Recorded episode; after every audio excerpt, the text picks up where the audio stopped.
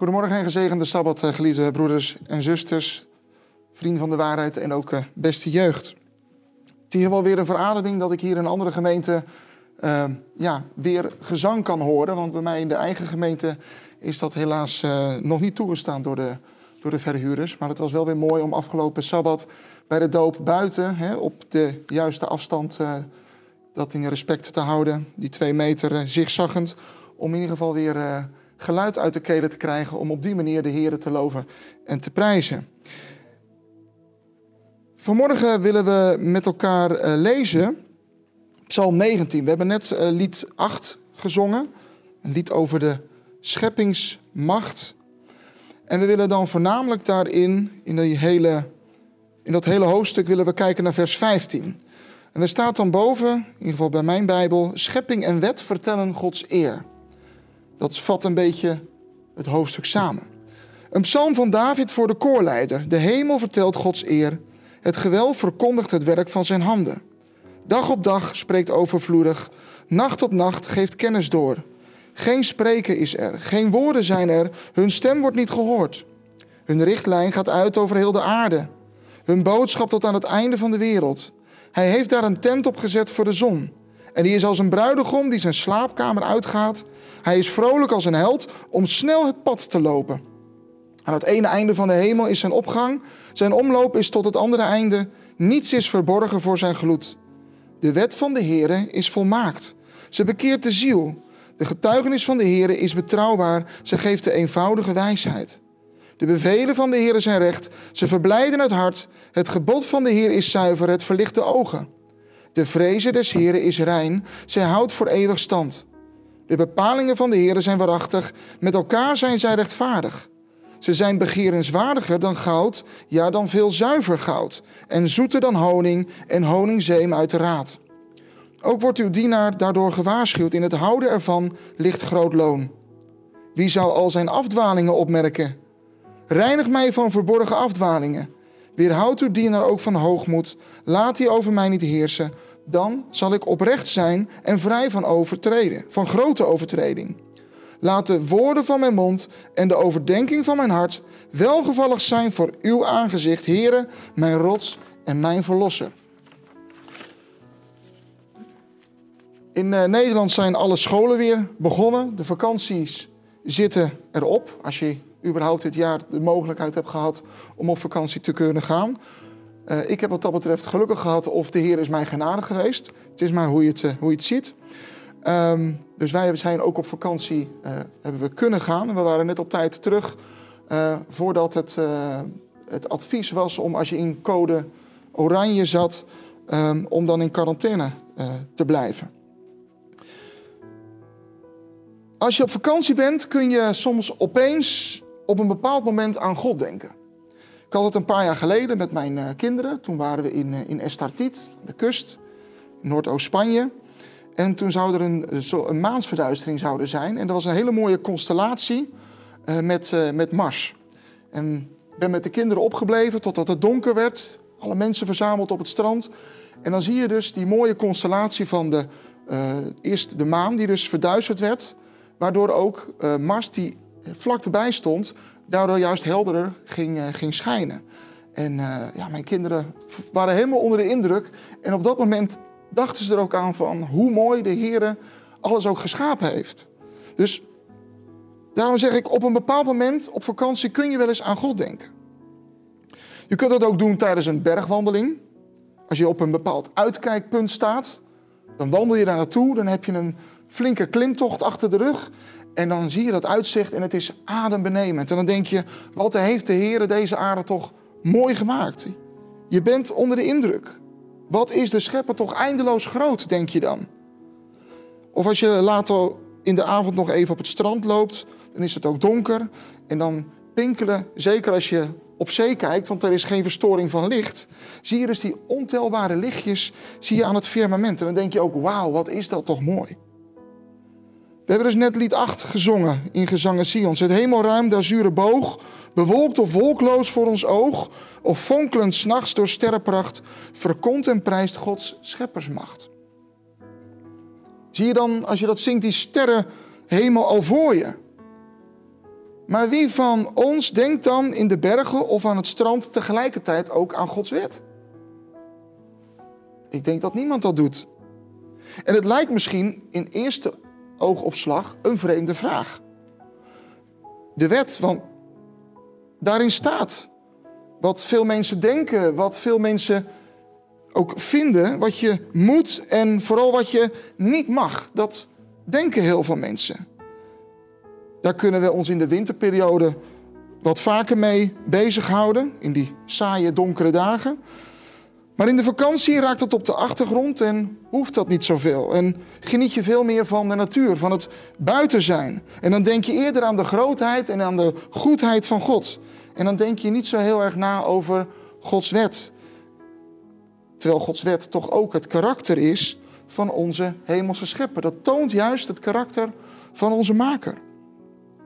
Als we dus Psalm 19 erbij pakken, dan begint David daar met de natuur. Maar vanaf vers 8 gaat hij opeens over, van de hak op de tak lijkt het wel, van de natuur naar de wet. Er is een simpele en ook een prachtige verklaring voor. Want God openbaart zich door middel van de schepping. Maar hij maakt zichzelf nog duidelijker aan ons bekend door middel van zijn woord. Voor ons christen is dat heel logisch, maar niet iedereen is in staat dat als zodanig ook te bekijken, om dat zo te zien. Twee manieren zijn er waarop God zich bekend maakt. In de eerste plaats via de natuur en in de tweede plaats ook door Gods woord, de Bijbel. Veel mensen en ook uitleggers die bij deze Psalm 19 stilstaan, die hebben er moeite mee dat één psalm, dat die eerst gaat over de natuur en dan direct overgaat op de wet. Er zijn zelfs mensen die er gewoon doodleuk twee psalmpjes van maken. Twee aparte stukken vinden zij ten onrechte tot één geheel gemaakt. En zover willen wij natuurlijk niet gaan. Maar de vraag die rijst natuurlijk wel: is deze psalm, deze psalm 19, wel een eenheid? Is het wel een eenheid daarvan te maken? En vanmorgen willen we die vraag positief beantwoorden. De boodschap van de overdenking van vandaag gaat om het volgende. Het goede woord van de machtige schepper, die brengt ons tot een gebed. En we vragen dan onze verlossing ook, onze verlosser om vergeving. De hemel, de natuur, wil ons iets vertellen. Het uitspansel, de lucht, dat heeft een verhaal. Het is een verhaal die gaat over God. Het gaat over de geweldige positie die God heeft. Over datgene wat Hij gemaakt heeft. Wie van jullie heeft ooit wel eens een pottenbakker aan het werk gezien? In zijn atelier? De meeste van jullie wel. Goed, dan weten jullie ook dat hij begint met het afsnijden van een grote homp klei. Maakt een kleiner gedeelte van. Hij zet dat op zo'n draaitafeltje. Hij schopt dat rond met zijn voet. Die tafel die gaat heel snel ronddraaien. En dat klei, die homp klei, je kan het eigenlijk bijna geen klei noemen. Het ziet er meer uit als vieze modder. En onder zijn handen ontstaat dan ineens een prachtige vaas. Ook onder de handen van God ontstond op de vierde scheppingsdag ontstond het onmetelijke heelal. Je mag het niet vergeten als je vandaag, mits het uh, niet bewolkt is, naar de sterrenlucht kijkt. Dit is het werk van een bijzondere kunstenaar. Dit is het werk van God. De hemel vertelt. En zo ervaart David dat ook. En op een manier die wat vreemd op ons overkomt. Als de dag en de nacht nu iets tegen ons zouden zeggen. Of als de nacht nu iets wat aan de dag zou vertellen. Want de dag volgt op de nacht. Het is avond geweest en het is morgen geweest. Maar het valt David op dat iedere dag en elke nacht steeds weer hetzelfde verhaal doorgeeft. Natuurlijk, er zijn altijd wel wat verschillen, maar de overeenkomst is veel groter. Het is hetzelfde bericht over God. Zoals de Israëlitische grootvader, de vader en de zoon ook alle drie dezelfde dingen van God zeggen. Er bestaat een belangrijke overlevering onder de Israëlieten. Dat ging zo in die tijd. Maar er is ook een overlevering in de lucht. Alsof die elkaar op volgende dagen en nachten met elkaar communiceren, dat ze met elkaar praten. De mond van de woensdag die staat niet stil, terwijl de donderdag dus luistert en de vrijdagnacht weer rapporteert enthousiast aan de zaterdagnacht. Ik zeg bewust ook weer zaterdagnacht, omdat de Sabbat alweer voorbij is. Maar zo zeggen wij het niet. Het is al heel wat als wij stil worden en bij de branding of op een hoge heuvel, dat we daar denken aan God, aan onze schepper.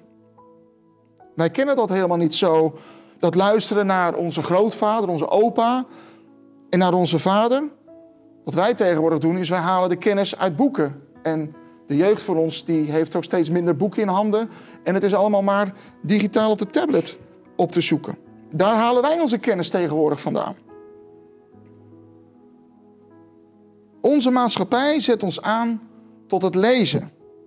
En eigenlijk is het zo dat ook Gods schepping kan worden gezien als één groot boek. Dus met andere woorden, de schepping voor onze ogen is als een schitterend, prachtig boek. En daarin zijn alle schepselen, zowel groot als klein, zijn daarin de letters die samen het geheel vormen, de woorden.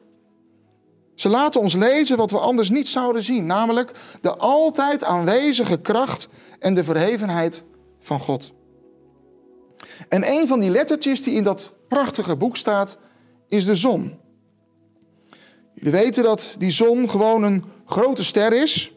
Alhoewel, wij vinden het een grote ster, maar als je het vergelijkt met het heelal, is de ster eigenlijk bijna een, een dwergsterretje. En we weten dat er veel meer van dat soort zonnen in het universum zijn.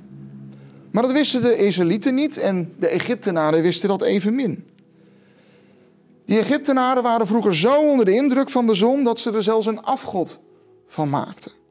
Ze hadden tempels waarin de zon, als hij in een jaargetijde op het hoogste punt stond, dat ze dan door een opening in het dak dan de zon loodrecht naar beneden lieten schijnen.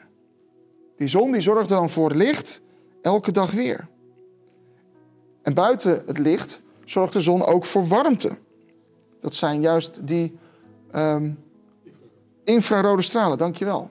Infrarode stralen. Die zorgt voor de warmte op je huid. De zon laat planten en bomen groeien. En op het heetst van de dag bogen de Egyptenaren zich in diepe eerbied voor hun zonnegod neer. Maar voor David en ook voor ons is er alleen God. Alleen God is de ware God. En daarom schijnt voor hem de zon ook niet vanuit een hemels paleis, zoals in zijn tijd andere mensen dat zagen. Nee, in het hemels paleis, daar woont God. De zon heeft een tent. Een tent in het verre oosten. Je kunt de zon nooit vergelijken met God. Er wordt wel een vergelijking gemaakt dat Christus is als de zon der gerechtigheid. Maar in feite kun je de zon nooit één op één vergelijken met God.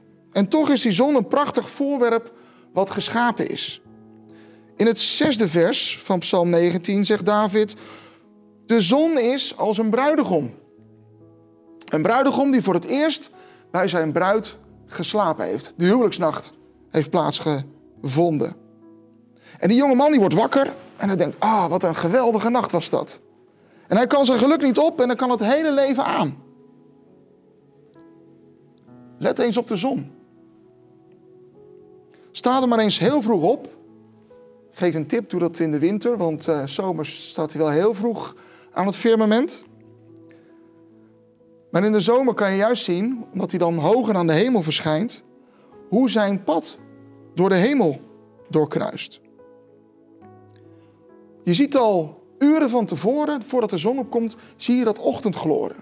Als ik naar eh, Spanje reis, dan reis ik meestal al uh, middernacht. En dan zie je al rond een uur of twee, drie, terwijl de zon pas net een paar uur onder is, dat het echt donker is, zie je het alweer licht worden. Dan zie je dat ochtendgloren. Dan kondigt de zon alweer haar komst aan. De ochtend gloort, het wordt licht. En volg dan maar eens aan dat firmament die zon. Daar kun je echt gerust een hele dag voor uittrekken. En dan zul je ontdekken dat de zon een enorme tocht langs de hemel maakt. Het is een geweldige klimpartij van heel laag in het oosten naar heel hoog in de zenit op het middaguur. En wat een afstand wat de zon ook aflegt. Ze zeggen wel dat de zon in het oosten opgaat, bij Japan. En daarom heet Japan ook een witte vlag met zo'n grote rode bol. Dat staat voor de opkomende zon. Gaat de zon dus naar het westen, naar de Verenigde Staten. Dus de zon komt overal en overal waar ze komt, daar wordt het licht. Dus ze lijkt op een dappere commandant voor wie iedere vijand op de vlucht slaagt en bang voor is. Waar de zon verschijnt, daar verdwijnt het donker. Dus wie is er niet bang voor? De zon in ieder geval niet. Hier op de hele wereld wordt er door de zon niet verwarmd. En we weten ook dat de zon in elk werelddeel komt, in elk land. Maar daarmee komt het verhaal dat die zon vertelt ook in iedere streek. En dat is een merkwaardig verhaal. Het zijn geen woorden die je kunt horen. Als ineens bijvoorbeeld de zon plotsklaps door het wolkendek heen breekt. Maar het is wel veelzeggend als je ergens op de wereld de deur van een hut open doet. Het zonlicht valt meteen dan naar binnen. En dankzij de zon kunnen de mensen zien hun gereedschappen, ze kunnen de weg vinden en ze kunnen daardoor genieten van de natuur. Ze kunnen elkaar zien en ook genieten van de omgang met elkaar. Dus wat dat betreft is de zon een onmisbaar cadeau van onze God. Iedere dag weer. Dat was tot en met vers 7 over de schepping. Maar dan begint David ineens over de wet. En daardoor worden we eigenlijk, als we het zo lezen, plotklaps ermee overrompeld. Want van de zon, ja, daar kunnen we lekker van genieten. Maar van de wet, als we eerlijk zijn, we hebben het wel voor God over. We luisteren vooral op Sabbatmorgen, luisteren we er welwillend naar. We willen de meeste geboden, als het enigszins kan, ook wel opvolgen. Maar echt genieten van de wet? Als we eerlijk zijn, dan doen we dat niet. En toch, onze psalmist David, die trekt zich niets van onze bezwaren aan. Als je het zo leest, dan kun je merken dat David helemaal volkomen verliefd op de wet is. Hij is helemaal weg van de wet. Hij geeft er heel hoog van op. En daardoor geeft David ook verschillende namen aan haar. Hij noemt het wet of instructie, getuigenis of overeenkomst. Hij noemt het bevelen, gebod, vrezen des Heren. Oftewel een manier om je respect voor God te tonen, verordeningen en bepalingen. Het zijn allemaal goede eigenschappen die hij opsomt van de wet. De wet maakt je vitaal, geestelijk vitaal. En dat is vast en zeker ook de bedoeling. Want daardoor kunnen we een sterk kind van God worden. We weten ook dat de wet betrouwbaar is. Als je je daaraan houdt, dan is de belofte en eeuwige erfenis zal ook jou ten deel kunnen vallen als Jezus terugkomt. En dan kun je welkom geheten worden in het nieuwe Jeruzalem en ook later hier op de nieuwe aarde. Van de wet kun je ook slim worden. Je wordt er wijs van. Je wordt verstandig en je ontwikkelt als het ware een extra antenne voor wat je zelfs in hele ingewikkelde situaties het beste kunt doen. De geboden van de Heer zijn bovendien ook rechtvaardig. Als je doet wat Hij zegt, dan doe je in principe geen mens tekort. De wet is zelfs kostbaarder dan goud, wordt door David gezegd. En je geniet er meer van dan een Israëliet doet van de zoete wilde honing in dat land. Dat klinkt natuurlijk heel mooi. En je verwacht het ook wel een beetje dat in de Bijbel met veel enthousiasme over de wet gesproken wordt. En toch, het zijn voor de meesten van ons niet onze woorden. Zijn we werkelijk blij met de wet? Blijer dan met een heleboel geld op de bank? En wie geniet er nu meer van de wet dan van een lekker zoet gebakje op een verjaardag? Wat dat betreft zouden we wel eerlijk met onszelf moeten zijn. Van de zon, ja. Daar kunnen we lekker van genieten. Niet te lang natuurlijk en ook niet te heet. En toch, een zonnige zomer geeft ons een goed gevoel. Maar hoe zit dat nu dan met de wet? De zon die heeft een verhaal te vertellen. En overal waar de zon komt, zou dat verhaal moeten worden gehoord. Maar dat is niet zo. En dat komt niet doordat de zon niet praat. Want dat is helemaal niet nodig. Het komt doordat de mensen zich niet openstellen voor haar signalen, omdat de moraal van haar verhaal hen niet zint. Maar wat heeft God nu dan gedaan? De Heer zelf is gaan spreken. De Heer is zich uit gaan drukken in woorden die mensen gebruiken. Hij heeft zich ontfermd over die kleine bewoners van die ene betrekkelijk kleine planeet, dat kleine stofje aan het universum. Hij die anders door de zon, maan en sterren elke dag liet zien wie hij was, zijn oog viel op een man in Ur. En die man liet hij tot een heel groot volk worden. En dat volk sprak hij toe vanaf een berg in de Sinaï-woestijn. En op die berg sprak hij hun leider nog uitgebreider toe. En zo kwam naast de overlevering van de dagen en de nachten een overlevering van woorden op gang. En dat deed God met de andere volken niet. Als die zo verblind waren dat ze hem in de natuur niet konden ontdekken, dan moesten ze dat voorlopig zelf maar weten. Maar Israël, die had hij uitgekozen als lievelingsvolk dat tot voorbeeld moest gaan dienen voor andere volken tot priesterdom. En David beseft dit en daarom spreekt hij ook zo levend over de wet. Want hij weet dat je zonder God in dit leven simpelweg vastloopt. Hij weet dat de wet de weg naar het leven is. En als de Israëlieten zich er ook aan zouden houden, dan zou het ook goed gaan in dat land.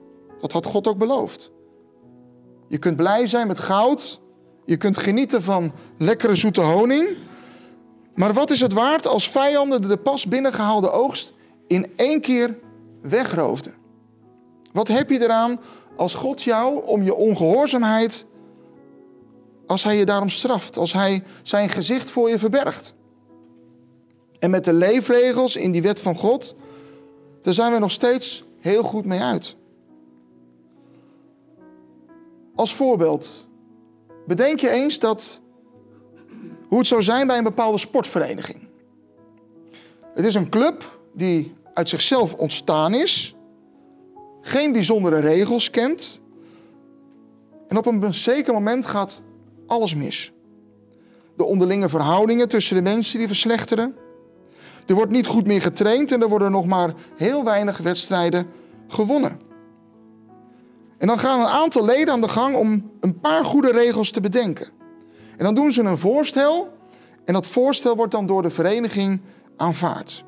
Die regels worden vervolgens in de praktijk gebracht en de clubleden die houden zich er allemaal aan. En dan zie je, dan gaat alles opeens veel beter. Op gelijke wijze dienen wij de wet van God te zien. Er zijn heel wat geboden waaraan wij ons houden zonder dat we er ons zelf bewust van zijn. Maar stel eens dat we dat niet zouden doen en denk je eens in dat we op Sabbat niet meer de Sabbat zouden houden als rustdag. Of dat we geen respect meer zouden opbrengen van mensen die iets over ons te zeggen hebben. Zoals je ouders bijvoorbeeld. Stel je voor dat je niet om de ander denkt en dat je ligt als het, als het je uitkomt. Zou het daardoor in de wereld beter van worden? Wat David zegt over de wet, dat is dus terecht. Als je er maar aan wilt. En het is voor ons heel kortzichtig om te denken dat je beter veel geld op de bank kunt hebben of een lekker gebakje kunt eten. En de natuur waarin je de grootheid juist van God kunt zien, heeft meer met de wet te maken dan we zelf bedenken of beseffen. Het is groots dat God mensen die geen woord nodig zouden moeten hebben, toch zoveel woorden moet geven. Maar, geliefde broeders en zusters, wat is nu het merkwaardige? In vers 12 verandert opeens de toon van de psalm. Die toon wordt nu ineens serieus. In de oude statenvertaling staat: Ook wordt uw knecht daardoor duidelijk vermaand. In het houden van die is grote loon. David zegt hier dus dat hij zich door Gods wet ernstig laat vermanen. Dus Gods wet maakt hem voorzichtig. Voortaan past hij goed op dat hij niets doet wat God niet goed zou keuren, wat God niet goed vindt. En dat zegt David omdat hij weet dat God gehoorzaamheid ook beloont. Alleen om te doen wat God zegt en wat hij voorschrijft, dat is in de praktijk niet altijd gemakkelijk. Al zijn we ons dat niet altijd bewust. Je denkt bijvoorbeeld dat je die ene persoon heel goed geholpen hebt. Maar heb je hem wel gevraagd of hij het wel leuk vond dat je hem hielp? Waarom kwam die vraag niet in je op? Omdat je gauw voor iemand klaar staat. En dat is op zich een hele goede positieve eigenschap. Maar je kunt er natuurlijk wel een kanttekening bij plaatsen. Want waarom zul jij het beste weten waar iemand mee geholpen is? Op die manier schuif je je eigen ik naar voren. In ieder geval, dat dreigt daarmee te gebeuren. En misschien kom je daar ook nooit achter. Desondanks wijk je je af van je koers, waarvan God wil dat je die volgt. En hij geeft hem kwaliteit en je ziet er zomaar aan voorbij. En zo is er zoveel waarbij je eigen ik zich toch ongemerkt, zonder dat je het beseft, zich kan laten gelden. En David, David weet dat, hij beseft dat. Hij is een man naar mijn hart, zei God in de tijd al tegen de profeet Samuel. En in het gevecht met Goliath verwachtte de jonge David het ook niet van zijn eigen behendigheid. Ook al had hij wel die behendigheid, maar hij vertrouwde er niet op. Hij vertrouwde op God. En als koning was David ook een goede rechter. Hij had een speciale antenne waar ik het net al over had, voor wat goed was en wat niet. En toch wist hij dat er veel fout ging, ook al kon hij dat niet altijd aanwijzen, kon hij niet altijd de vinger daarop leggen. En zo loopt het mooie lied, deze Psalm 19, uit op een vraag om vergeving. Je verwacht dat deze psalm zou eindigen met een opwekking om hoog op te geven van God. In een paar psalmen over de schepping en ook sommige psalmen over de wet kom je iedere keer wel deze aansporing kom je tegen. Maar hier in deze psalm 19 gebeurt dat niet. De grootheid en de goedheid van God die we zien in de natuur en ook in de wet, die brengen ons tot een gebed. En het is ook te gek. Je kunt dag en nacht zien dat God er is. Je hebt ook nog de Bijbel en toch doe je zoveel zonder Hem. En dat doen we ongemerkt. Maar dat is nog erger. Want als we het ongemerkt doen, dan zien we het al niet eens meer. Dan zien we al niet meer dat het dus niet klopt. En niet voor niets noemt David zich in deze psalm heel bescheiden, noemt hij zich Gods dienstknecht. Hij noemt zichzelf zijn dienaar. In het veertiende vers van deze psalm vraagt hij God of hij ook vrijgesproken mag worden. Want hij zegt daar, weerhoud uw dienaar ook van hoogmoed. Laat hij over mij niet heersen, dan zal ik oprecht zijn en vrij van grote overtreding. Vrijspraak. Dat hoopt een verdachte van de rechtbank te krijgen. Dat de rechters uitspreken dat er geen gronden gevonden zijn waarom hij schuldig is. En wie is onze belangrijkste rechter? Dat is God. Een rechter met een hoofdletter die ongelooflijk veel ziet. Je zou er haast bang van worden. En dan zegt David: Heere, doe alsof ik het allemaal niet doe. Maar daar volgt dan nog iets op. Wij mensen denken vaak dat we het na het gebed om vergeving, dat het daarmee sloes is, dat we het daarmee gehad hebben. Want we zijn immers weer in het reinen met God. Het is weer goed tussen ons, tussen mij en tussen God. Dat is natuurlijk wel zo. Maar er valt veel meer te zeggen. Want als je bewust om vergeving vraagt, wat ontdek je ook? Wat, wat besef je dan ook? Dan besef je hoe zwak je zelf bent.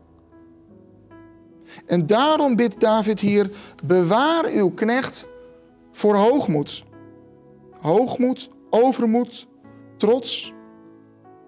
De oude Statenvertaling spreekt hier van trotsheden. Dat is het ergste wat er kan zijn. Want dan word je zelf, verhef je dan tot je eigen God. Jij zorgt voor jezelf en jij maakt ook uit wat je wel en wat je niet doet. En daartoe zijn wij ook in staat als we daar niet voor oppassen. En daarom is het zo belangrijk dat wij de Heeren bidden: bewaar mij voor hoogmoed, overmoed, voor trotsheden. Laten we dat toch de Heeren vragen, dat we daarvan ook gevrijwaard van mogen blijven, dat we daarvan bewaard mogen blijven. En dan komen we bij die sleuteltekst van vandaag in vers 15. Het gaat er over de woorden van onze mond en ook over de overleggingen van ons hart. Die moeten God bevallen. Ook die. Aan het einde van deze overdenking snappen we beter wat deze woorden als slotwoorden van deze psalm betekenen. Onze woorden, onze overleggingen van ons hart, moeten ook die God bevallen? Maar de Heere zegt, kijk eens naar die zon, hoe die staat te stralen. Zeg je dat niets over mij? Denk aan de wet die je geregeld leest in Gods woord en ook in je hart opgeslagen hoort te zijn. Waarom zou je daartegen ingaan? Het goede woord van de machtige schepper, dat noopt ons tot een gebed. En we zien hier dat David wel onder de indruk is van Gods schepping en een lofrede geeft over zijn wet, wat een uiting is, een weerspiegeling van Gods karakter, dat God, dat, sorry, dat David niet verlamd of daardoor verstijfd raakt. Want dat kan ons juist wel nog eens overkomen. Dat we tegen onszelf zeggen, ik kan het niet. Maar we zien hier hoe David zich tot God richt. En zijn belangrijkste reden daarvoor vinden we in de allerlaatste regel van deze psalm. Hij zegt, Heere, mijn rots en mijn verlosser. Een rots, dat is een schuilplaats. Een plek hoog in het gebergte waar niemand je kan vinden. En als men je vindt, dan moeten ze ook maar zien dat ze je te pakken kunnen krijgen. In die uitgestrekte vlakte in het gebergte. In een andere psalm, dat is psalm 31, daarvan het derde vers, daar noemt David de Heer ook een sterke rots. Ook als we het moeilijk hebben, kunnen we ons wenden tot de Heer. En dan ben je veilig. God is niet alleen onze schepper, hij is ook onze bevrijder. En dat heeft David destijds heel goed ervaren in de momenten toen hij achtervolgd werd door Saul en ook later door zijn eigen zoon, door Absalom. Op onverwachte momenten, als David het niet meer zag zitten, gebeurde er iets waardoor Saul plotseling wegtrok. Die ervaring maakte David. David wist dat die ellende niet te wijten was aan zijn maker, aan God. Hij wist dat het kwam door de zonde van Israël. Want een volk krijgt een koning die het verdient. Bij Absalom zat Davids eigen zonde erachter. En toch heeft God David gered uit zijn benauwdheden. Maar de Heer wil ook u jou en mij redden als we het hem maar vragen, als we hem daar maar voor bidden. Voor wie maakte hij nu deze wereld? Voor wie doet God de zon opgaan? Voor wie is zijn wet bedoeld? Maar het belangrijkste is dat hij Jezus Christus naar deze aarde heeft gestuurd. Eigenlijk stelt Psalm 19 nog een vraag. Er is blijkbaar vergeving en kennelijk wil God ook voor zonde bewaren. Maar waarom? Dat is om Jezus wil. God is de schepper, hij is de wetgever, maar tegelijkertijd is hij ook onze verlosser. Om Jezus wil is God onze bevrijder. Hoe kun je nu op het strand of in de bergen tegelijkertijd denken aan de wet van God?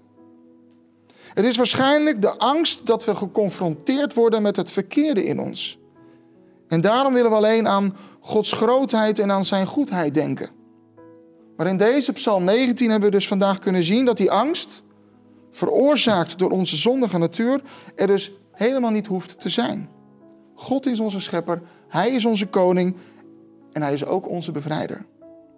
Mijn wens en gebed is dat wij als, net als David, de Heer ook mogen prijzen niet alleen vanwege zijn almacht, om datgene wat hij allemaal geschapen heeft, waar wij ook allemaal als mens zijnde kunnen genieten, maar dat we ook zijn wet, die een afspiegeling is van zijn karakter, dat we die ook mogen zien, net als David, als een verlustiging.